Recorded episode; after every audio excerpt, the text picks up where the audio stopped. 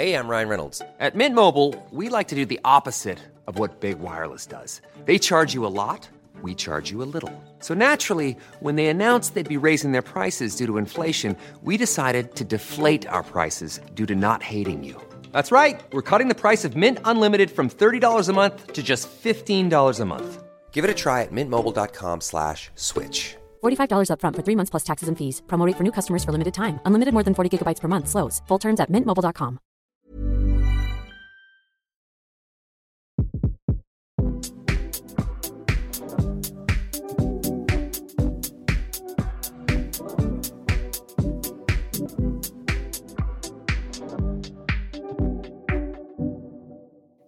Hallo, folkens. Ny uke, nye muligheter. Silje sitter og blomstrer i oss i T-skjorta si.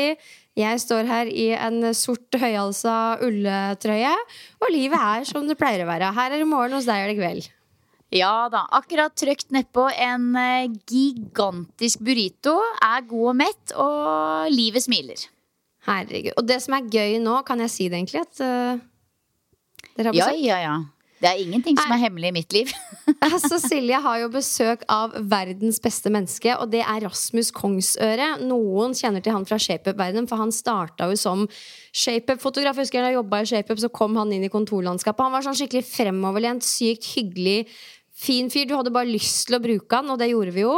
Og så spoler vi nå fram sju år senere. Kjører han rundt i Australia i en van og lever sitt beste liv.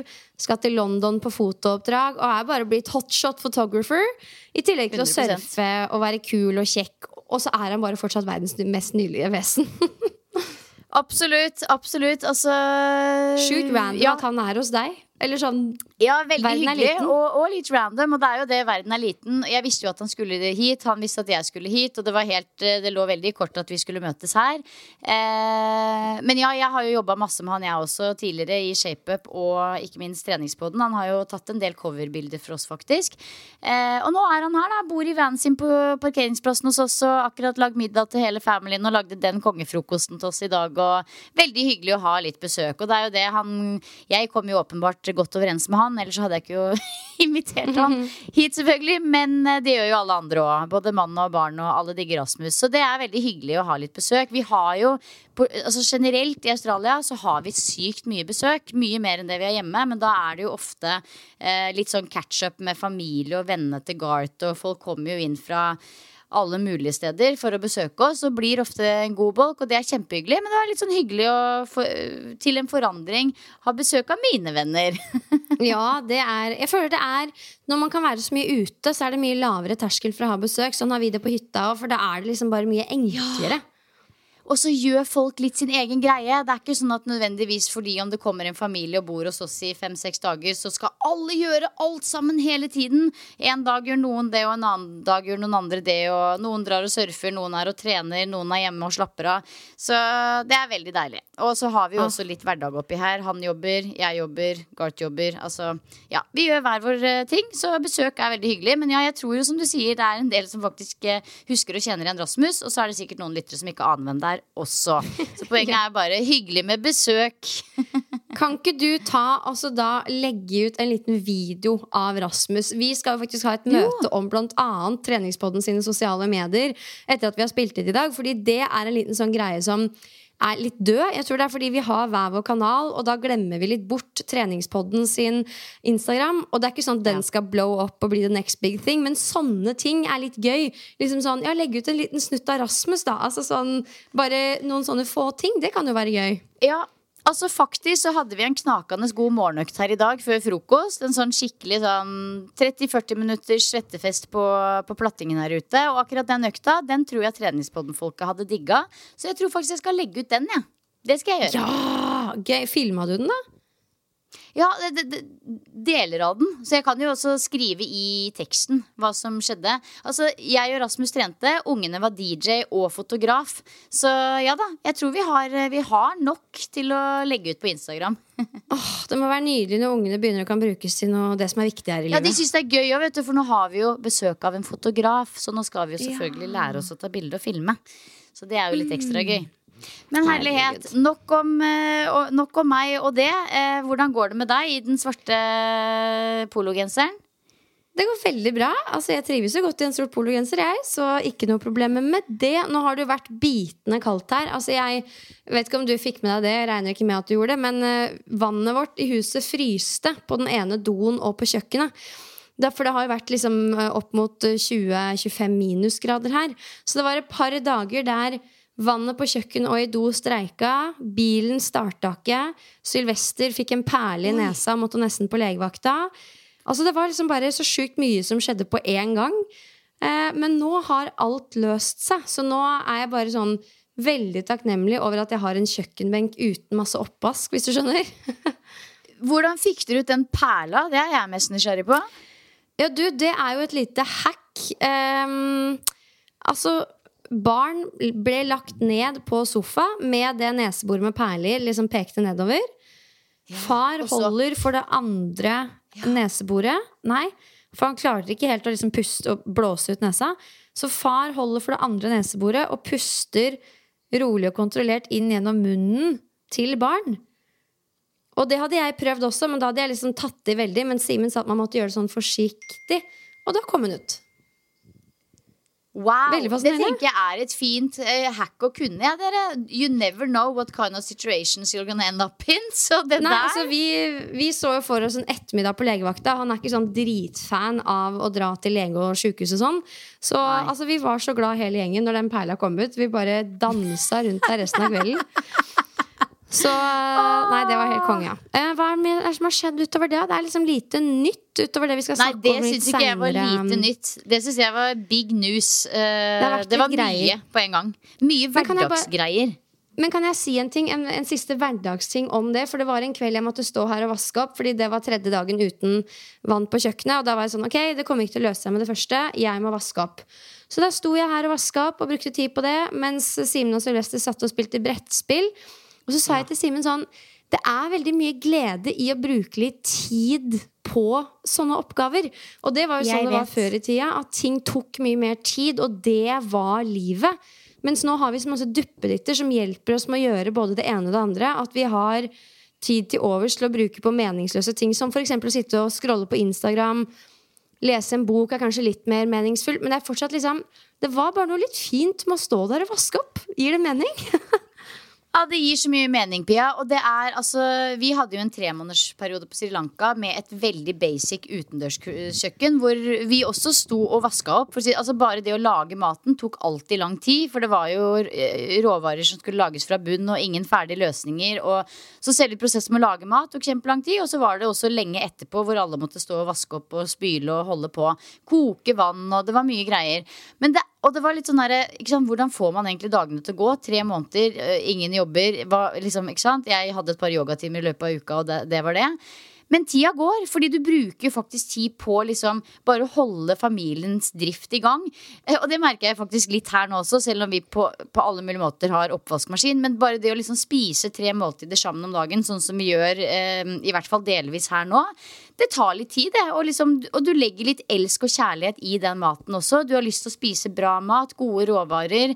Eh, bruke tid, rett og slett, eh, på ordentlig mat. Og det tror jeg ikke vi skal kimse av. Altså det er selvfølgelig Jeg har den største forståelse for at familier med to foreldre som jobber fullt, 100% må ta raske løsninger innimellom. Men jeg tror vi skal tørre å skrape vekk såpass mye i kalenderen at vi også i hvert fall noen dager i uka kan lage ordentlig mat fra bunnen av. Og gjøre det området på kjøkkenet til en hyggelig sosial sone. For det er ganske mye glede i det. Akkurat sånn som du sier der, med brettspill og vaske opp og stå og skravle og pludre og, og, og bare ha en litt sånn laidback greie på det. Det er så koselig.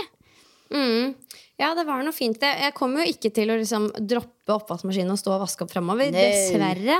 Men øh, jeg vet ikke. Det var øh, noe fint i det, var det i hvert fall. Så man lærte jo, lærte jo, noe av det. Det kommer alltid noe godt ut av det, Silja. Ja, det gjør det. Og vet du, jeg skal ærlig innrømme at jeg følger ikke sånn kjempemye med på alt som skjer i Norge. Jeg har selvsagt fått med meg at det har vært eh, bitende kaldt, men nå at det har vært vakkert og nydelig vær. Eh, men én ting som det har vært helt umulig å unngå å høre om og se om, det er jo den store snakkisen, debatten forrige uke. Fordi det var helt umulig å gå glipp av, eh, selv på andre siden av jorda. Altså til og med pappa pappa sendte meg SMS og var sånn 'Sitter og ser på Debatten! Dette må du få med deg!' altså, det har vært en spenstig debatt, rett og slett. Eh, det har vært en skikkelig snakkis. Det var vel noe sånt som Jeg tror vel, jeg måtte jo se dette her i etterkant, da. Men jeg tror vel at eh, temaet på debatten var eh, nytt år, flat mage og hvit måne. Eh, og det var jo en god, et godt Det var jo mange spennende gjester med en god miks av både fokus på trening og eh, hvit måned og, og, og, og pusteteknikker og meditasjon og hva er egentlig helse. Og hjelpe meg. Fikk du sett eller? Jeg fikk sett det, og det er eh, Det var nesten som at noen ikke hadde hatt helt tid til å liksom lande den sendeplanen. Altså, det var litt sånn vi, ta, vi tar denne tittelen, og så inviterer vi folk som kan noe om helse, og så bare mikser vi det sammen til en sånn deilig grøt, sånn at ingen skjønner en dritt. Det er det vi gjør. Ja, fordi jeg skal ærlig innrømme Sånn gikk, sånn det gikk for seg for min del Var at jeg fikk den meldingen av pappa Og så så jeg det begynte å koke litt på sosiale medier Så tenkte jeg, oi shit, dette her må jeg faktisk se ganske kjapt eh, Merker jeg eh, Og så satte jeg meg ned I sånn vanlig situasjon i en sofa for å se på det og så etter fem minutter så kjente jeg at jeg ble så svett under armhulene. Og så aktivert, og da skulle jeg jo egentlig legge meg ganske snart. At jeg kjente at denne her må jeg faktisk spare til i morgen. Og så må jeg gjøre noe fysisk mens jeg hører på det. Fordi dette her ble liksom Jeg kjente at det var liksom noe i meg som Det trigga meg på et vis. Fordi eh, ja, så fikk jeg jo sett hele episoden dagen etter, og eh, veldig sånn lol eh, Så gjorde jeg det faktisk mens jeg gikk en sånn trappemaskin på gymmet, for det var for varmt å løpe. Så jeg så hele episoden. Det var noe sånn her 30, 35 eller 40 minutter i trappemaskin mens jeg så hele episoden, og det var virkelig det var spennende. Kjempebra at man snakker om helse uansett, på en måte. Men det var litt sånn der, vanskelig å få tak på hva som egentlig var tema og budskapet. Det var veldig mange meninger. Veldig mange uenige meninger. Og veldig lite konkludering. Ja, og så var det så altså, Katrine Collins var jo der for å representere online-trening. Eh, og litt i kraft av at hun er en form for influenser, tydeligvis. Og det, altså, det er hun jo. Eh, og det ble på en måte satt opp som den store, nye, stygge ulv- ulven, dette med online-trening. Hvorav de da litt mer gammeldagse ekspertene sa at dette hadde de ikke noe tro på. Men det ironiske oppi det er jo at eh, de rådene som kom fra disse ekspertene, er jo det man utøver bl.a. i online-trening. Det er ikke sånn at vi står på å finne på egne ting for hva man skal gjøre. Det er jo, vi er jo et mellomledd som hjelper folk til å gjøre de tingene som disse ekspertene fremstilte. Og det er jo som det ble påpekt i studio, hvis det var så enkelt som du står her nå og sier, hvorfor gjør ikke alle bare det da? Ja, og det var jo, det var jo ja. Nei, det var, jo, det var jo nettopp det at han eh, forskeren som eh, ja, rett og slett slakta online-trening, det kan vi jo bare si med en gang at han gjorde, og i grunn alt annet for øvrig. Eh, det som var liksom det jeg ikke helt forsto der, er jo det du sier. Det er jo ingenting i veien for å kjøre en fire, fire ganger fire via online-trening. Og det er det jo veldig mange som gjør. For det, i hans verden så er det enten fire ganger fire eller styrket, tung styrketrening. Og alt annet er på en måte bare tull. Eh, men det er jo ingenting i veien for å kjøre en fire ganger fire via online-trening hvis det kun er det som skal til. Så det var veldig spenn spennende altså, å, å følge med på dette her. Han sa det jo selv at han sitter med gulloppskriften. Men det er ingen som har kontakta han i januar, og I wonder why.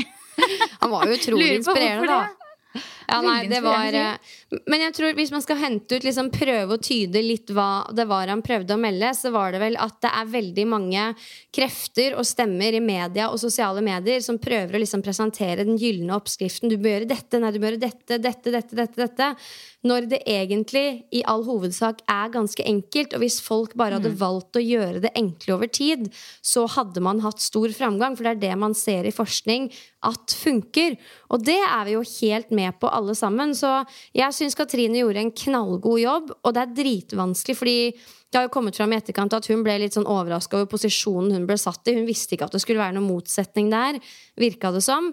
Um, og så er det veldig lett å si at hun burde sagt det og det, men jeg liker å tenke at hvis jeg hadde vært der, så hadde jeg sagt dette vi snakker om nå, om at det er ikke noe motsetning.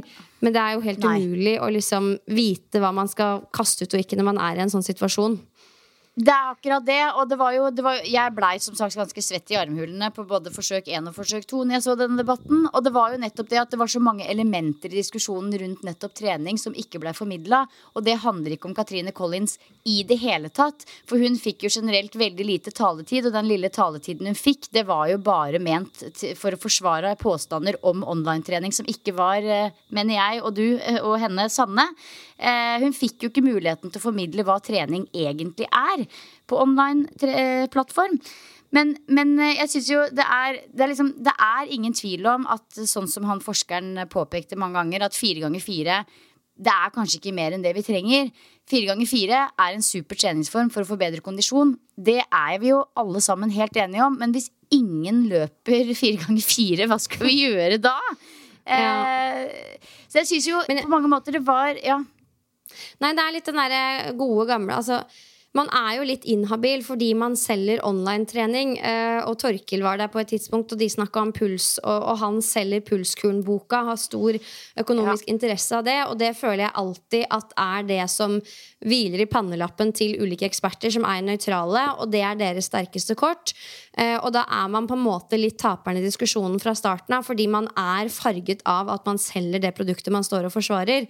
Um, og det, det, føler jeg gir forskere for eksempel, i en sånn setting en sånn ovenifra nedholdning fra starten av. Uh, ja, som er det. det er jo noe i det, fordi de er nøytrale. Det er ikke den andre parten, men samtidig så mm. ja. kommer man jo med et viktig perspektiv.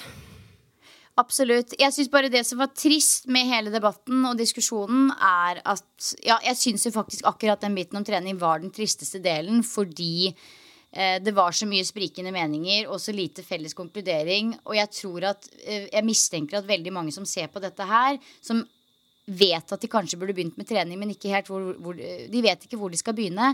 De blir ganske slitne av å se en sånn diskusjon og såpass forvirra at de bare gir opp hele livsstilsendringsgreia og helsegreia uten engang å ha begynt. Fordi du sitter jo ikke akkurat igjen etter disse 40 minuttene med debatten og tenker sånn Å ja, det er det vi skulle gjort.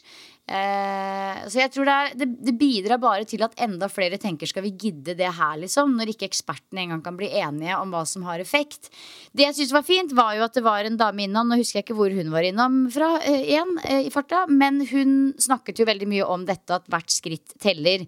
Eh, det også blei jo selvfølgelig ja, det, det, var jo ikke enighet om det heller. Men, men jeg syns jo hun hadde mange gode poeng. Eh, og jeg syns jo også min tidligere nabo Anette, som driver podkasten Leger om livet, veldig, hadde mange fine, gode poeng om hva helse egentlig er. Eh, I form av at det trenger ikke bare handle om trening. Eh, og forfatter Hilde Østby var jo også innom som litt sånn derre ja, for å snakke om uh, betydningen rundt uh, helse og ensomhet. For det er jo noe som egentlig ikke blir tatt opp i media i det hele tatt. Hvor e- enorm påvirkning ensomhet har på helsa vår. Altså dårlig påvirkning. Og det har jeg også skrevet skoleoppgaver om i psykologien. Og fått ganske bakoversveisa, faktisk. Det, det, den studien hun refererte til, har jeg også lest selv. Og det er sjokkerende hvor mye påvirkning ensomhet faktisk har på helsa vår. Både fysisk, psykisk og også hvor mye det bidrar til høy dødelighet. Um, så det er, liksom, det, det er, jo mange perspektiver å trekke fram når det uh, handler om helse. Men jeg syns jo at liksom, når tittelen er 'Nytt år og flat mage', så ja. Ja, de trakk jo ja. inn alle mulige mennesker. De burde jo holdt seg til liksom, det fysiske og det, hva du kan gjøre av fysiske ting for å påvirke helsa. Prøve å konkretisere det litt. Men altså, Det er lett å si, men alle er i hvert fall enige om at det var en veldig frustrerende debatt å se på. Og hvis vi går videre da til neste punkt på lista i debatten, som var dette her med pulsklokker, så var jo det også ganske interessant å se hvordan ehm, eh, Torkil sitt budskap da, ble ganske slått ned på, fordi det han eh, personlig har erfart, ikke vises i forskninga.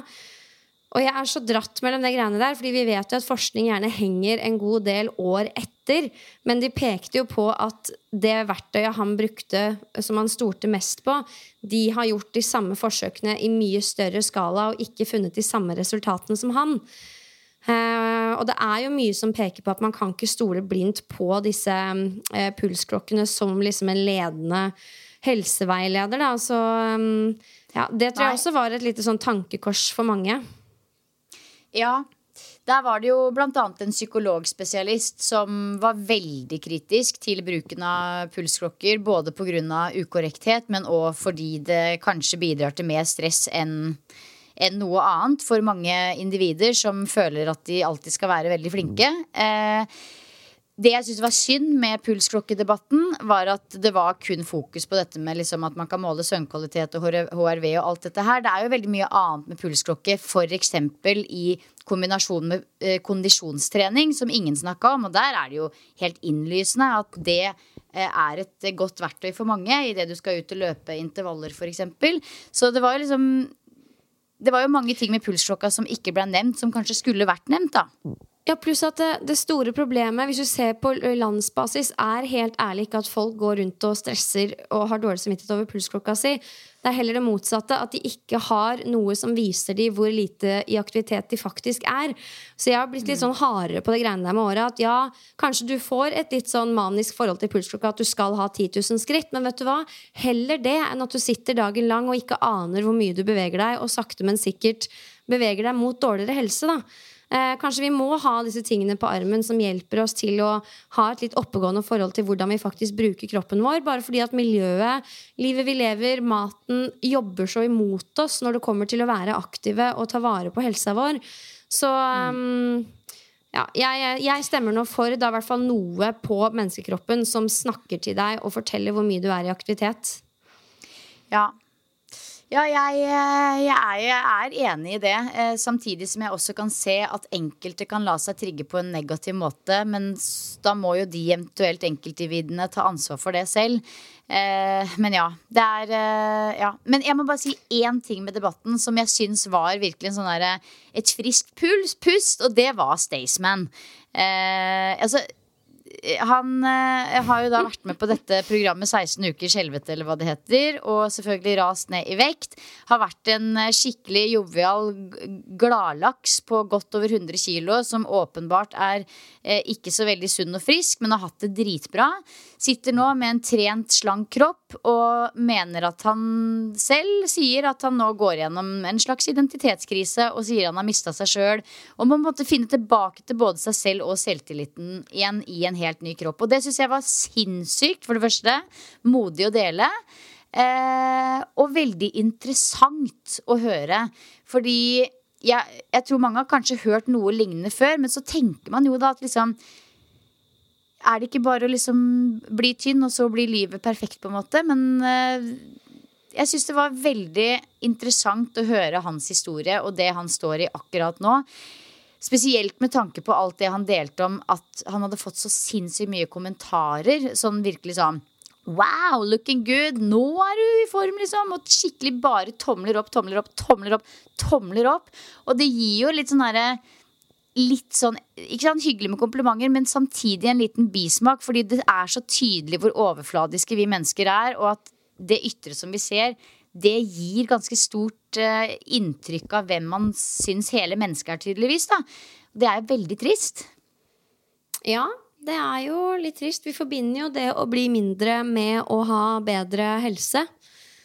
Og ja, og tydeligvis se bedre ut. At og det er jo på en måte opp til øyet som ser, men, men det er eh, Ja, han, sa jo det at han hadde blitt uh, ja, bombardert med komplimenter og tomler opp, og det er jo selvfølgelig hyggelig, men samtidig et sånt lite sånn Men hva, uh, hva med for et halvt år siden? Var jeg ikke bra nok da, på en måte? Ja. Så og der syns synes jeg hun Det var jo en sånn altså Jeg kaller henne kroppspositivist. Jeg, jeg husker ikke akkurat hva tittelen hennes var, eller navnet hennes var, men hun kom jo også med noen viktige og gode perspektiver. Og så er jo jeg aldri for å forsvare overvekt på noen måte, som jeg føler at folk ofte tror at disse menneskene gjør. Noe de til dels gjør innimellom. Men det er jo mange gode perspektiver i forhold til hvordan kulturen og media påvirker oss til at vi skal hele tiden slanke oss og bli mindre og kalle det Noen opplever nok at det snakkes om at du skal straffe deg selv til å bli en mindre utgave av deg sjøl. Eh, mens hun belyste jo ganske mange andre viktige perspektiver som jeg tror at hvis du dyrker de, så vil du også få bedre helse. Men det er bare en litt annen vei å gå. Um, så det var jo både Staysman og hun var jo gode perspektiver inn. Men uh, hun mente også da at Collins eksempel fremmer uh, Eller har en negativ innvirkning på uh, på de som eventuelt følger henne fordi hun viser fram seg sjøl og sånn som hun er. Så det faller jo litt på sin egen urimelighet, i og med at hun da er veldig for at folk skal få være seg sjøl, men tydeligvis ikke hvis du er trent og lever den livsstilen. Å ja. Altså, det, jeg, jeg, jeg mistenker at veldig mange som hører på Treningspodden, kanskje også har sett debatten fordi det var så mye tjohei rundt den i ettertid. Men hvis man ikke har sett den, så var det interessant å bruke 30-40 minutter av livet sitt på CD, fordi ja. det var det. Det var interessant. Det var, eh, det var interessant. Og jeg syns helt på tampen det var skuffende den diskusjonen de hadde om alkohol på slutten. Fordi det var bare en sånn jovial prat om, mell- mellom en tørrlagt alkoholiker som var veldig søt, men hun liksom Ja. fremsto også litt spesiell, fordi hun var sånn For hun er vineksperten var sånn «Ja, Men hva gjør du istedenfor å ta deg et glass vin, liksom? Og så var hun sånn Nei, da setter jeg meg og mediterer eller drikker et glass med nypete. Altså, jeg kan jo se for meg at vindrikkerne hjemme i stua er sånn Ok, det kommer ikke til å skje. Skål, liksom. Kan vi ikke heller Ja. snakke litt om helsefordelene ved å justere ned alkoholinntaket? Altså- men så var det samtidig fint å få vite at uh, nå drikker vi mye mindre enn før. Og det føler jeg er en trend blant unge mennesker. Blant folk jeg henger med, at det er mye mer akseptert å ikke drikke. Og det er helt 100%. fair, på en måte. Altså, Vi har jo nå akkurat sittet oppe på verandaen i vakker solnedgang. Eh, hatt en litt sånn, ikke sant, ha besøk, spist en god middag. Og hva drikker vi? Alkoholfri øl. Hadde vi gjort det for tre-fire år siden? Nei, vi hadde ikke det. Jeg hadde kanskje drukket vann fordi jeg skulle spille inn podkast med deg, men nå har jeg da drukket noen alkoholfri øl, og det blir på en måte en litt sånn sosial, hyggelig kosegreie uten at det trenger å være alkohol involvert. Og det er ikke bare det at det er liksom mange At det det er blitt mer vanlig å gjøre det, men det er faktisk litt trendy å gjøre det. Altså, her i Australia så er det, jeg har vel snakka om denne Instagram-kontoen tidligere som heter uh, The Uninspired Nei, ja, The Uninspired Nei, The Inspirational Unemployed, eller et eller annet sånt. Og det er noen sånne kjempestore Instagram-stjerner som lager masse humor på Instagram. De har nå laga sitt eget alkoholfrie ølmerke. Alle drikker det. Og det er liksom, det er virkelig en ny greie. At Før i tida så hadde du typ mulighet til å drikke én alkoholfri øl når du var gravid. Nå fins det jo flust hvis du går inn på Meny. Så det er det, ja, det, er liksom, det er et stort steg fra å kutte ut å drikke alkohol og sitte og drikke nypete. Det er jo mulig å liksom kose seg med, med alkoholfri something something, som er litt mer festlig enn det. Men det, jeg var også veldig skuffa over den alkoholdebatten på slutten. Fordi det var det i tittelen som trigga meg mest. Jeg er på ekte kjempenysgjerrig av å høre hva som skjer når folk har en hvit måned. Eh, fordi noe av det som sto i, undertittelen, var 'Er én måned nok?' eller noe sånt noe. Og da tenker jeg sånn, Det vil jeg gjerne vite. Jeg vil vite hva som skjer med, i kroppen til de som drikker ganske radig. Hva som skjer med en måned uten alkohol. Er det nok til å få noen slags forbedring, helseeffekt, eller må du opp i tre måneder, fire måneder, fem måneder, seks måneder? Det hadde det vært kjempeinteressant å høre mer om, men det fikk vi ikke. Nei, det var mer hun eh, Og ære være hun dama, hun var jo så søt, men det var mer liksom hennes personlige preferanser, og om hun følte at en måned var nok eller ikke. Um, så ja, Men vi- hyller jo debatten for at de- setter helse på agendaen. der, i hvert fall. Det er jo bra. Og så er det jo vanskelig å sette sammen et sånt program også, men der gikk det litt over stokk og stein. eh, Og vi i helsebransjen tok det kanskje litt ekstra innover oss, at det var så mye kaos i noe vi føler er såpass viktig. Eh, Ja, som, også ikke bare viktig, men noe som bør være ganske enkelt også, eh, tenker jeg. Men eh, ja. Det, ja, det, ja, det var, det, var, det var interesting. Ja, og mens vi står her og prater, så kommer jeg på at jeg er faktisk invitert til NIH sin aktiv fagdag. Den er 8. mars. Og da skal jeg annet være med i en paneldebatt. Og jeg syns det er litt rart at jeg har sagt ja til dette, for jeg har vært med på sånne ting på NIH før, og det er sjelden noen sånn kjempegod opplevelse. Men eh, paneldebatten har da uh, tittelen 'Influensere. Livsstil til salgs'. Oi. Ikke sant? Det er, her er det bare å gjøre seg klar for å bli halshugd. Det er da med Gøran Paulsen, professor ved Norges idrettshøgskole. Mathilde Hoksnes, doktorgradsstipendiat ved Høgskolen Kristiania. Hun har da sikkert studert hvordan fitfluensere påvirker eh, på Instagram og TikTok, som hun skal holde et innlegg om rett før debatten. Der er liksom introduksjonen til halshogginga kommer der. Og så skal Melina være med, som da er doktorgradsstipendiat ved Norges idrettshøgskole og fagkyndig influenser. Og jeg er da med som selvstendig næringsdrivende og innflytelses- og kunnskapsrik influenser.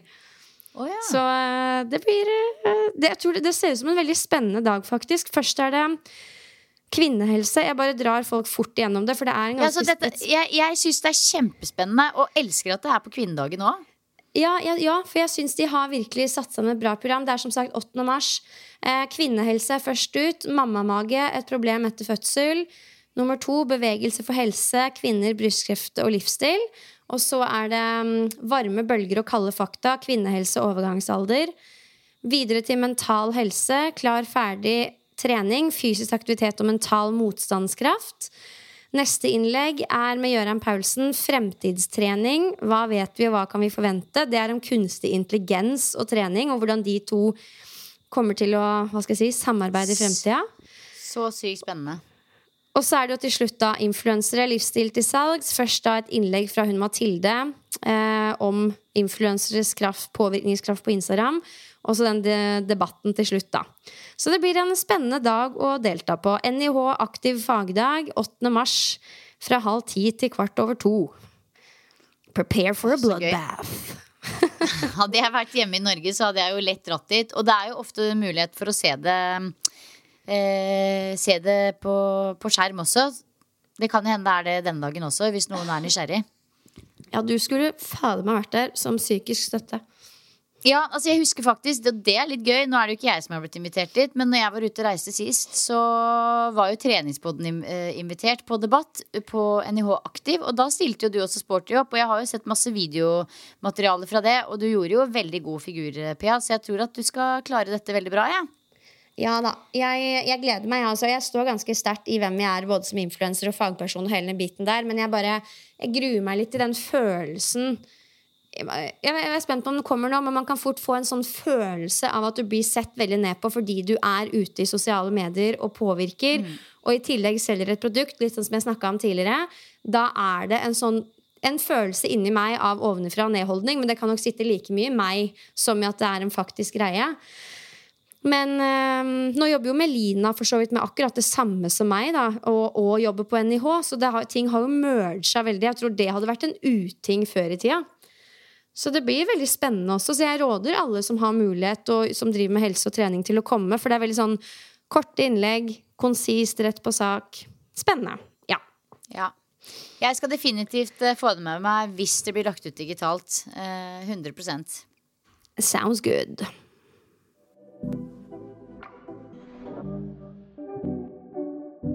Jeg har starta på nytt styrkeprogram, og du ble jo av en eller annen merkelig grunn sjokkert når jeg sa at jeg skulle ha fokus på markløft framover.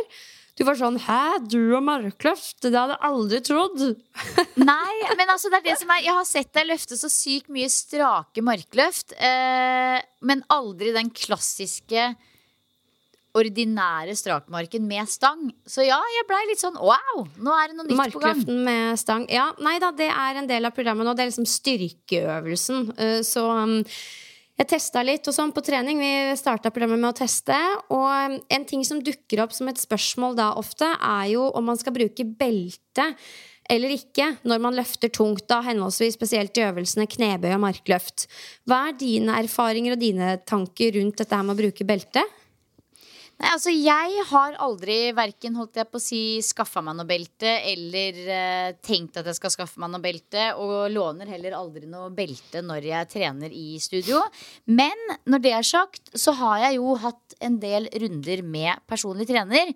Og da har jo det ofte vært en sånn ja, nå tar vi på beltet. Og så, og så Jeg gjør alltid det Petten sier jeg skal gjøre, så da tar jeg på beltet. Og jeg har jo opplevd at det gir meg en slags sånn slags trygghet. Hvorfor Ish. føler du at du gjør det? bare føler at det liksom Det kan mulig, mye mulig at det er eh, noe, noe psyk psykisk underliggende her, men at det liksom at det er ikke sånn at det da plutselig smeller det i ryggen, liksom. Eller at jeg vet ikke. At jeg, at jeg kan At jeg må liksom ikke koble på hele meg, på en måte. At, jeg vet ikke. Men det, det er som sagt eh, sikkert eh, ikke så mange ganger jeg har gjort det heller. Det er bare i veldig spesielle anledninger med PT, og det er mange år siden sist. Eh, men ja da, det er de anledningene jeg har brukt belte om jeg har gjort det. Men mm. hva med deg? Nei, jeg har ikke brukt det så veldig mye eh, tidligere. Men jeg føler at det blir vanligere og vanligere å se på annet sosiale medier. Og kanskje det er derfor disse spørsmålene dukker opp. Um, og riktig bruk av belte for all del kan være supert og kan bl.a. redusere kompresjonen i ryggen med bortimot 10% Men opplevelsen du får når du bruker et belte, avhenger veldig av beltet, hvordan det påvirker bevegelsen din og ja, individuelle preferanser. Noen vil jo synes det er kjempeubehagelig i begynnelsen og må kanskje øve litt på å bruke det. Uh, før de finner noe som helst støtte i det, mens andre syns det er dødsdigg fra starten av. Så det er nok det også som gjør at det er litt forvirring rundt det. Fordi selv om to personer bruker det likt, så kan det kan det oppleves bra av den ene og negativt av den andre.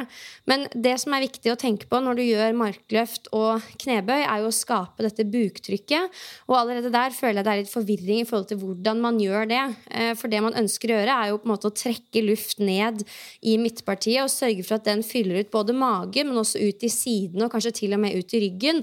At du nesten lager et belte med lufta, og så strammer du til kjernen, korsettet rundt midtpartiet. altså rundt da den eh, lufta.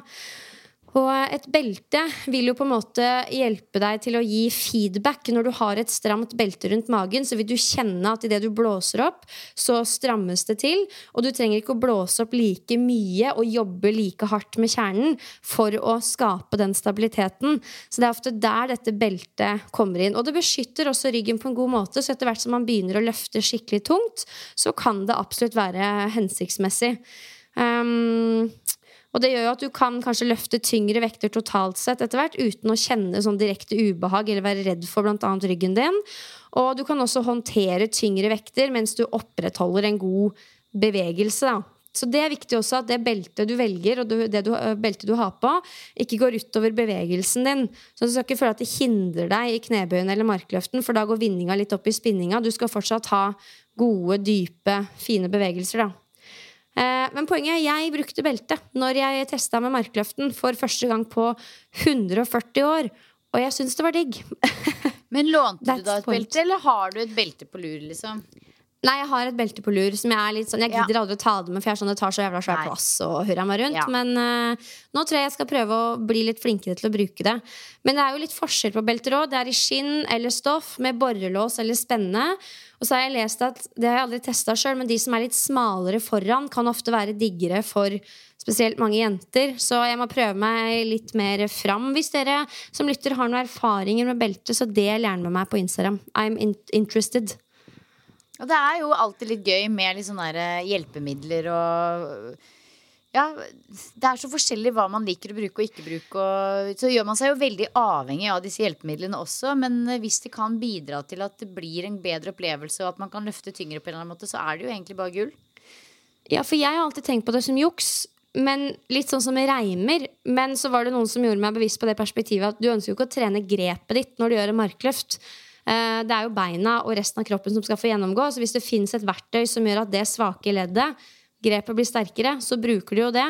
Og litt det samme er det med belte etter hvert som du blir skikkelig sterk. At uh, du begrenser det som potensielt er det litt svake leddet, sånn at du kan få mer utbytte av øvelsen der du vil ha det. da Mm. Mm, så to be continued, men jeg kommer til å prøve å kjøre litt med belte framover på markløft og knebøy.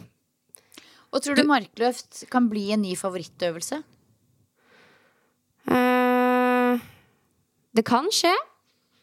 Det kan skje. Jeg, ja da, jeg er ikke helt For du, jo, du, er jo en av de perverse som vi vet om, som faktisk syns bulgarsk eh, splitt er kjempeålreit. Eh, ja. ja. men det er bare Med bulgarsk splittbøy så er jeg bygd sånn at jeg slipper å lure på Gjør jeg det riktig nå. Det gjør litt vondt der, men jeg bare fortsetter. Det er sånn, Jeg kjenner det rett der jeg skal. Det er tungt, ja. og jeg kjenner at liksom, det river i muskulaturen.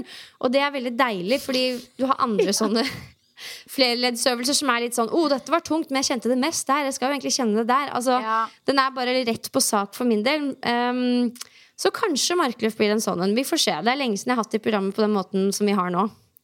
Oh, ja, Markløft er definitivt ikke en favorittøvelse hos meg. Eh, verken nå eller tidligere. Ikke. Nei, jeg gjør ikke det, men jeg kanskje burde utfordre meg litt på det. Eh, har jeg, altså jeg, har jo som regel én eller annen strakmarkvariant med. Nå har, kjører jeg f.eks. ettbensstrakmark med hantel. Da vil jeg støtte meg til en eh, Støtte meg til en Holdt jeg på å si, hva heter det? ikke stol, men benk. Eh, men jeg har faktisk en eh, ny favorittøvelse på G, og det er en øvelse som jeg aldri har hatt i programmet mitt før. Og det er eh, rett og slett ettbens benpress. Spennende. Er det noe du har erfaring med? Jeg har gjort litt ettbeins uh, beinpress, ja, men mest som en erstatning for andre ting. Så er, jeg har ikke hatt den som en sånn 'dette er øvelsen jeg skal gjøre over fire til seks uker'. på en måte Nei, for altså beinpress er en øvelse som jeg gjør en gang iblant. Og ofte litt sånn der istedenfor knebøy, f.eks. Hvis jeg på en måte kjenner at jeg er litt sånn Jeg er litt sliten i, i, i, i kropp eller nervesystem etter en større mengde trening. Orker ikke å ha så mye fokus på teknikk osv. Kjempefint å, å, å kjøre på med beinpress. Samtidig som jeg innimellom da også kjenner at det kan bli litt mye kompresjon i korsryggen. For du løfter jo ganske tungt. Eh, og det som jeg syns er fint med ettbens beinpress, er at du trenger jo absolutt ikke all verdens med kiloer på. For det også er jo litt sånn stress med den beinpressen. At du må jo lesse på masse kiloer. Så det tar lang tid å både lesse på og av. Med ettbeins eh, eh, beinpress, så selvfølgelig, det tar jo dobbelt så lang tid og med at du skal gjennom begge beina.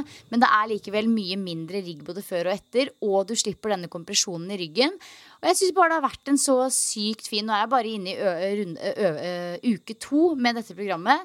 Men jeg har allerede lagt min elsk på den øvelsen. Så ja, det, jeg skal holde på den litt til, altså. Jeg, jeg merker, Spennende. og det, ja, det som er ekstra gøy med den øvelsen også, er at jeg merker at det er en sånn øvelse som jeg, I og med at jeg aldri har gjort den før, og det er litt nytt, så kommer jeg også til å bli ganske mye sterkere i den. Det er deilig. Nå er jeg her, men om noen uker så er jeg der, og det er gøy. Ja, og da er det i motsetning til for å trene med en, på en pistol squat eller ett bein step up, så er det ikke så mange tekniske elementer, så du kan på en måte bare ha fokus på at bli sterkere, legge på vekter, og når du klarer det, så er det et tydelig tegn om at her har du blitt sterkere. Muskulaturen har blitt påvirka. Det er ikke at du har fått bedre ankelmobilitet eller balanse eller gudene veit hva. Uh, så det er kult. Kanskje jeg skal eh, Nei, jeg skal ja, ja, men det er gøy å bli minna litt på den. Ja, jeg tror, jeg tror faktisk du hadde digga den. så jeg regner med at ettbeins beinpress er vel ikke en trend i Australia, selv om Silje Torstensen har blitt glad i den. Men er det noe annet du liksom har lagt merke til siden sist? Noe gøy som vi må vite om her i Norge? Ja, det, er veld, det er veldig mye. Jeg, altså, jeg tenker I februar så må vi snakke en hel del om liksom, treningstrender generelt. Både i Norge og på verdensbasis. Og ikke minst, uh, ikke minst uh, opp mot hverandre. Hva som er poppis i Norge kontra Australia osv. For det er faktisk ganske mye ulikheter. Men én ting som det trendes over en lav sko uh, over her, det er et konsept som kalles for The Hot Girl Walk. Og dette her tar faktisk okay. helt av, Pia. Det tar av. Det er en såkalt uh, ny fitness-trend som starta i fjor. Eh, og det var eh, Katie, søskenbarnet til eh, mine barn, som er 18 år, som på en måte først forklarte meg dette konseptet eh, ganske nylig når vi kom hit. Og da, da var jeg litt sånn OK, skjønte ikke helt greia. Og så kom jeg hit hvor vi er nå, og bare sånn Å ja, nå nå skjønner jeg hva som er greia. Fordi det også, Både løping og powerwalk har blitt kjempepopulært i Australia. Men altså denne hot girl walken, som det kalles, det er også, hvis man søker det opp, en kjempestor sånn sosial medietrend. Spesielt på TikTok. Det skrives masse artikler om det. Eh, og det er jo ikke sant? Du ser disse jentene med gjerne hookasko eller noen andre trendy sko. Litt høye sokker, veldig korte hotbands og disse korte toppene. De har caps på for å beskytte ansiktet mot sola. Og så har de kanskje på AirPods. Og, og du kan gjøre en hot girl Uh, walk bare med å liksom ut og powerwalke uh, litt sånn random antall kilometer. Men det er også en standardisert prosedyre, og nå skal jeg fortelle den til dere. Ok, Da kan vi alle bli hot girls. ja! Så ok, En hot girl walk består av at man tar en utendørs gåtur, som helst skal være på hold deg fast, 6,4 km, med veldig kule treningsklær, fresh stil og gjerne litt statement-tilbehør mens du lytter til f.eks. en motiverende spilleliste. Og eh, aller helst driver med positiv tenkning. Ja. Og ikke bare det, men det skal også være sånn at liksom mens du går, så, så kan du høre på en motiverende spilleliste. Men du skal egentlig bare drive med positiv tenkning, og da er det konkret tre spesifikke ting man skal tenke på. Nummer én, hva er du takknemlig for? Nummer to, målene dine. Og nummer tre, hvordan skal du nå dem? Og sikkert nummer fire, da, hvor hot du er. Ikke vet jeg. Men dette er altså hot girl-konseptet. Altså, dette er så gøy. Jeg, jeg nailer jo bare punkt nummer fire og tenker på hvor hot jeg er. Men jeg tenker jo når jeg går her med, med broddene mine og i boblisen og Kari Traa-lua fra 2000-tallet, så utøver jo jeg dette her Norwegian style. Ja, det er så gøy. Og det er sånn herre det er jo lol. På, på? Det er lol at det er et så stort konsept. Men samtidig så er det jo også bare liksom enkel utendørstrening eller utendørsaktivitet. Ja, kombinert med positiv tenkning, da. Eh, og, og jeg tenker jo litt sånn Ok, det som får deg til å få i gang bevegelse, få deg til å føle deg mer positiv, klar til sinns og liksom ja, ikke sant? Less worry, more happy, og samtidig få kroppen i form. Kjempebra. Eh, det er jo på en måte en veldig enkel trend som gjør aktivitet mer tilgjengelig. Eh, og ved å gjøre dette ekstra trendy, ved at sikkert en haug med influensere gjør det, og at man skal se litt hot ut når man gjør det i tillegg, så blir det på en måte en mer sånn attraktiv greie å gjøre, da. Eh, altså, altså, Ja, hvis og det... er nysgjerrig Søk opp hotgirl, så får du opp masse deilige damer som er på tur i Australia. Ja, jeg måtte jo gjøre det, og det kom jo opp masse saker, akkurat sånn som du sa. Og det, det jeg kan like ved det, det er litt sånn som med yogaen, at det er jo en form for trening som knytter sammen det fysiske og det psykiske. Og det er ganske kult at unge mennesker er interessert i det, og at det, det gir jo et nytt aspekt til det å bevege seg. At nå skal du ut, du har en intensjon. Du skal måtte skru på huet, tenke på noe bestemt. Jeg liker den delen der. At det ikke handler om at øh, nå er det blod, svette og tårer for å bli tynn. Det, er liksom, det handler om noe annet og noe mer enn det. da Kan vi jo like å tro. Og det, kan jeg, det liker jeg. Kanskje vi skal lage et konsept i sommer, eh, Pia? Hot girl walking in Oslo. Yes, Det eneste problemet da er at du kommer aldri til å se meg i tennissokker til midt oppå leggen. Nei, eh, det er noe du må her. Hvis du er en av de som går med sneakers her og lave sokker, så blir du nesten sett rart på. Her går alle med tennissokker til ganske langt oppå leggen, ja. Ja, nei, Mm. Da har jeg et problem. Du, har du embraced den trenden? Ja, jeg har embraced Ja, det. Hele det, ja. familien har embraced det. Ja, jeg så Så deg på med noen sånne hvite flammesokker med rosa Ja, ja, flammer. altså Statement-sokker er greia. Så du kan gjerne ha litt sånn boring, kjedelig svart treningstights, men du skal ha statement-sokker, ja. Ikke sant? Ja, jeg hadde jo sikkert hoppa på trenden, men per nå så er det ankelsokker for the win for me, for å si det sånn. Ja, å, det, er, vet du, det er det som er med trender. Det er gøy. Det er rett og slett litt gøy. Og jeg tror vi skal snakke enda mer om trender når vi kommer litt inn i februar og virkelig ser dette årshjulet 2024 for oss. I form av uh, disse listene som alltid kommer, og ja, hva som blir poppis, rett og slett.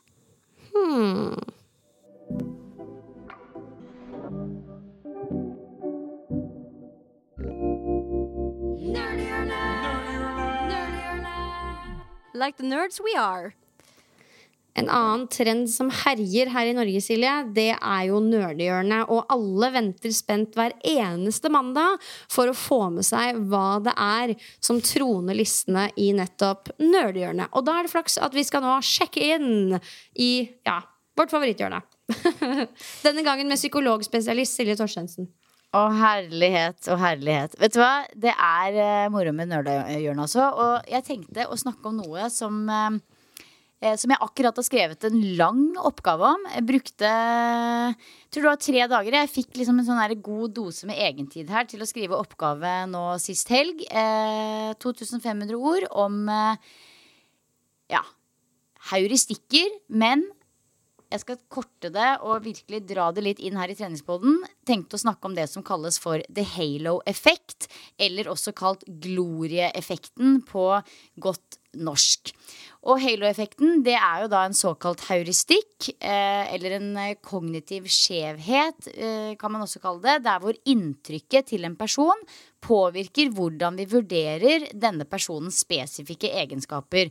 Så med andre ord så kan en positiv oppfatning av en enkelt egenskap eller kvalitet hos et menneske føre til at vi antar at denne personen har enda flere positive egenskaper, selv om vi egentlig ikke har noe som helst informasjon om dem. Og det her er litt interessant å vite. Også faktisk i det øyemed vi nå har vært innom i forhold til influensere og den diskusjonen der.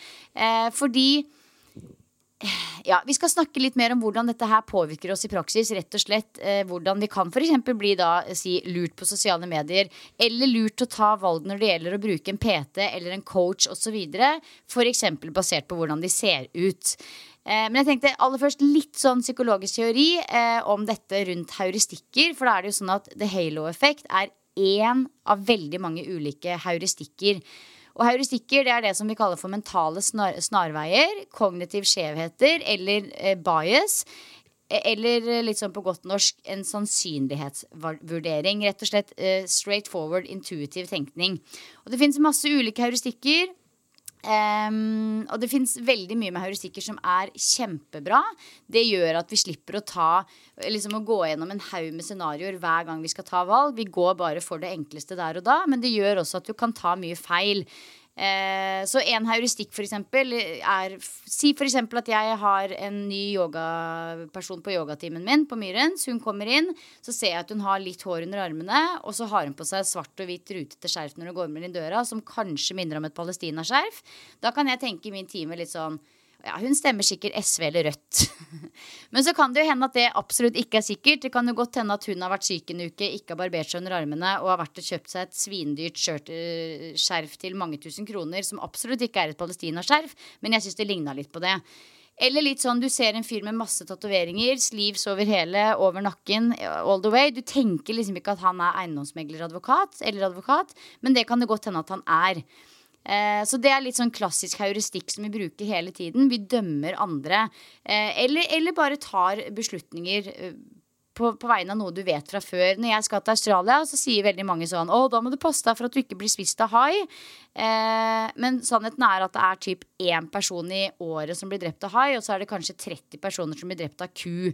De er det ingen som tenker på. Så det er litt sånn eh, Og det er fordi det er noe du har lest om i mediene. Så det er en eh, intuitiv konklusjon. Ofte vi, noe vi tar når vi har litt lite tid og informasjon til rådighet. En god gammeldags tommefingerregel. Men det som er poenget her, er at spesielt denne glory-effekten er det litt lurt å vite noe om. Fordi hvis man skal være helt ærlig nå, eh, litt sånn si at du Si at du har lyst til å få deg en, si en ernæringscoach, Pia. Eh, og så har du to å velge mellom. Begge to har en mastergrad i ernæring og har like mange års erfaring. Én er superfit, og den andre kanskje ikke like fit. Hvem ville man valgt? Og det er et ubehagelig spørsmål, så du skal slippe å svare på det. Men jeg tror ganske mange tenker innerst inne at jeg hadde kanskje valgt den som var fit. Det er fælt å si, men sånn er det. Um, og litt sånn eh, er, er, det lurt å Litt sånn i forhold til hvordan vi fungerer når vi tenker, er smart å vite noe om. Eh, fordi ja, eh, grunnen til navnet er jo at hvis vi oppfatter noen som attraktiv eller vennlig, så kan det positive inntrykket kaste en glorie over vedkommende. Altså derav navnet Halo. Eh, og det kaster altså da masse aspekter over denne persons karakter. Som f.eks. at denne personen har høy intelligens, er hyggelig, eh, har mange eh, faglig gode ferdigheter. Eh, og på samme måte så kan du også det motsatte, at du får en negativt førsteinntrykk eller at du ikke syns personen er attraktiv, gjøre at det har en såkalt horn-effekt, der hvor negative antagelser dukker opp, vurdert på hvordan personen ser ut. Det er jo helt forferdelig, men det er sånn vi fungerer. Ja, ja, det er jo menneskehjernen på sitt beste og verste, det der. Ja, det er det. Og det er, um, det er litt viktig å være oppmerksom på, fordi det påvirker oss hele tiden i beslutningsprosesser uh, innenfor masse ulike områder, som f.eks. jobbsammenheng, kanskje til og med personlige relasjoner, beslutningsprosesser innenfor ulike ting. Og ved å liksom være oppmerksom på denne biasen, denne skjevheten, så kan du ta mye mer velinformerte beslutninger. Så det er jo f.eks. viktig med tanke på Instagram. Hvem er det egentlig vi tar imot faglige tips fra? At vi er kritiske eh, og er bevisste på halo-effekten hos oss selv. Eh, og skuespillere også, så har det jo vært en stor trend i mange år at det er ikke så veldig mange som legger merke til om en veldig sexy skuespiller ikke har så veldig mye acting skills. Eh, det går fint, for det er så mye fint å se på, liksom. Og det samme gjelder på sosiale medier. Du kan ha en kall det fagperson, som deler en hel masse informasjon, men kanskje man egentlig ikke har så mye faglige ferdigheter på området. Men man når likevel ut til tusenvis av mennesker fordi man eh, ser ut på en viss måte, da. Ja, fordi da i mitt tilfelle med denne ernæringsfysiologen, ved å være bevisst på dette, forteller det meg da at jeg burde gjøre ytterligere research for å ta et velinformert valg? Er det er det, det Ja, eller tenke seg om to ganger, kanskje. For det er jo eh, noe med det at eh, f.eks. i en PT-stab, da, eh, stab, så kan det jo være en person som Altså, man, man tenker liksom at en PT eksempel skal se ut på en viss måte, f.eks. som en idrettsutøver, men det er på ingen Si at du har en PT-stab med åtte PT-er. Der hvor halvparten er helt vanlige mennesker eh, som trener, men likevel har ordinære kropper, fordi de er tross alt ikke idrettsutøvere. Og resten er kanskje avdanka idrettsutøvere og har denne kroppen med seg videre inn i PT-yrket. Det er jo ikke nødvendigvis sånn da at de med eh, litt ekstra atletisk kropp har noe mer eh, faglig tyngde enn de som ikke har den veldig atletiske kroppen. Nei, og det er et godt eksempel. Jeg, driver, jeg har begynt å følge en på YouTube som heter King of Programming. Og han vurderer programmeringa til ulike øh, kjente og litt mindre kjente trenere. da og han vurderte programmeringa til Matt Fraser, som er liksom verdens beste crossfitter og har vunnet utallige ganger. Og man tenker jo sånn automatisk sånn altså Er det noe å si på programmeringa til Matt Fraser, liksom? Eh, men han eh, nevnte jo da at jeg har mange ganger hørt Matt Fraser si ting om programmering som er helt ute å kjøre. Så selv om han er en veldig god utøver, så er han nok- ikke nødvendigvis den beste til å programmere gode, smarte økter for et vanlig menneske. For det har jo alltid han fått servert på gullfat. Eh, og det viste seg at det programmet hadde noen mangler da som man ikke aldri hadde tenkt at var der. Fordi det han sier om trening, det hadde man bare tatt for god fisk, på en måte. Så um, ja, det er jo som du sier viktig å være bevisst på. Absolutt. Viktig å være bevisst på. Så mm, ja, jeg syns bare det, det er en interessant greie. Og altså, som sagt, Glory-effekten er bare én av veldig mange heuristikker. Og heuristikker det kan være utrolig mye hjelp i for oss mennesker. Eh, sånn at vi ikke sliter oss ut kognitivt, rett og slett. Men det kan også gjøre at vi går i noen skikkelig kognitive feller. Både støtt og stadig. Så det er viktig å være bevisst på. Mm. Nice. Det ble vi litt klokere i dag òg. Ja da, ja da, ja da. Ja da. Vi skal jo som alltid avslutte med boost. Og um, altså for min del så er det en soleklar boost. Og det er Jeg tror jeg nevnte det i første episode etter nyttår. At jeg skulle prøve å komme meg ut på ski en gang i uka fordi jeg hadde så stor glede av det i jula.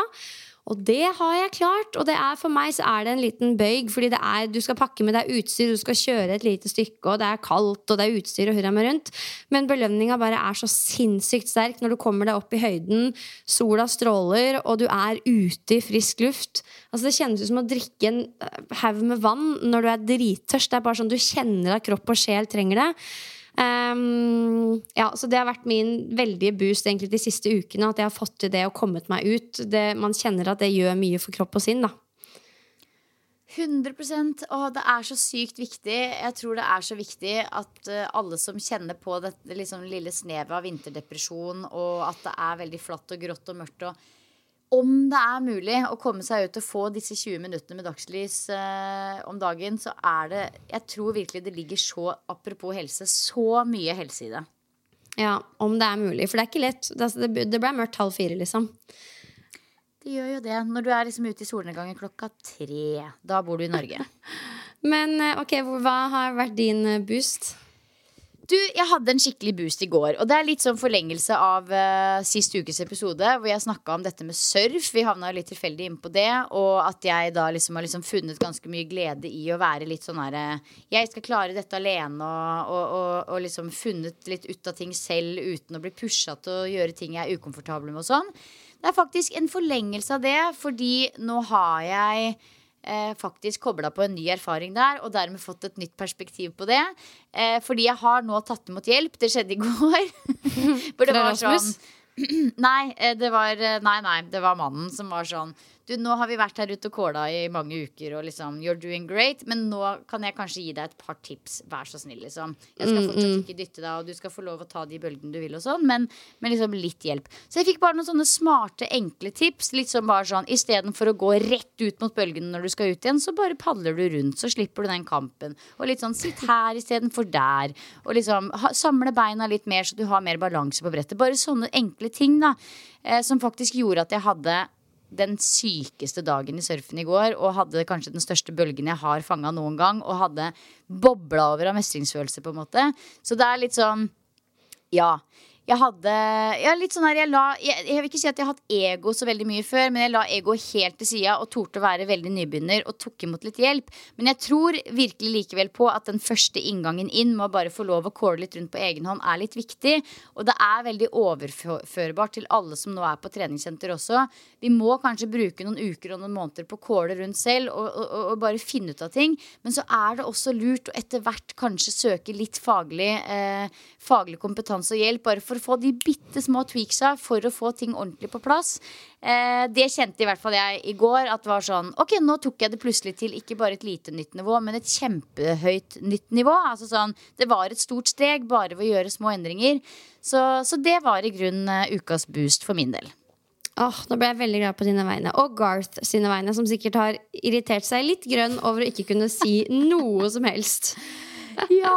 Det er jo Men jeg tror bare det er helt sånn vanlig også i relasjoner at liksom når det er en som er ekspert og en som er noob, så blir det en slags friksjon der på et vis. kan skrive under på det, ja. ah, ja. Men ja. Nei, så du har vært på ski, jeg har vært i surfen. Vi lever jo kontrastfylte liv. Men det er deilig. Det er det. Det beste av alle verdener. Dette var en eh, strålende episode, sier jeg helt uten uh, beskjedenhet, holdt jeg på å si. Men det var veldig hyggelig å prate med deg som alltid, Silje. Det er jo ekstra unikt nå. Ikke at vi prata sammen så jævla mye før mellom innspillinger heller, men det er noe spesielt med å sjekke inn og bare høre, høre om det oss i life, liksom, før man fortsetter med hverdagen. Det tror jeg både jeg og alle syns er veldig moro. Ja, jeg setter veldig pris på denne ukentlige praten. Så tusen, tusen takk til deg og dere som lytter. Eh, så er vi tilbake neste uke, da. Vi er jo det. Yes, we are. Ha en nydelig uke, så poddes vi. Ha det godt.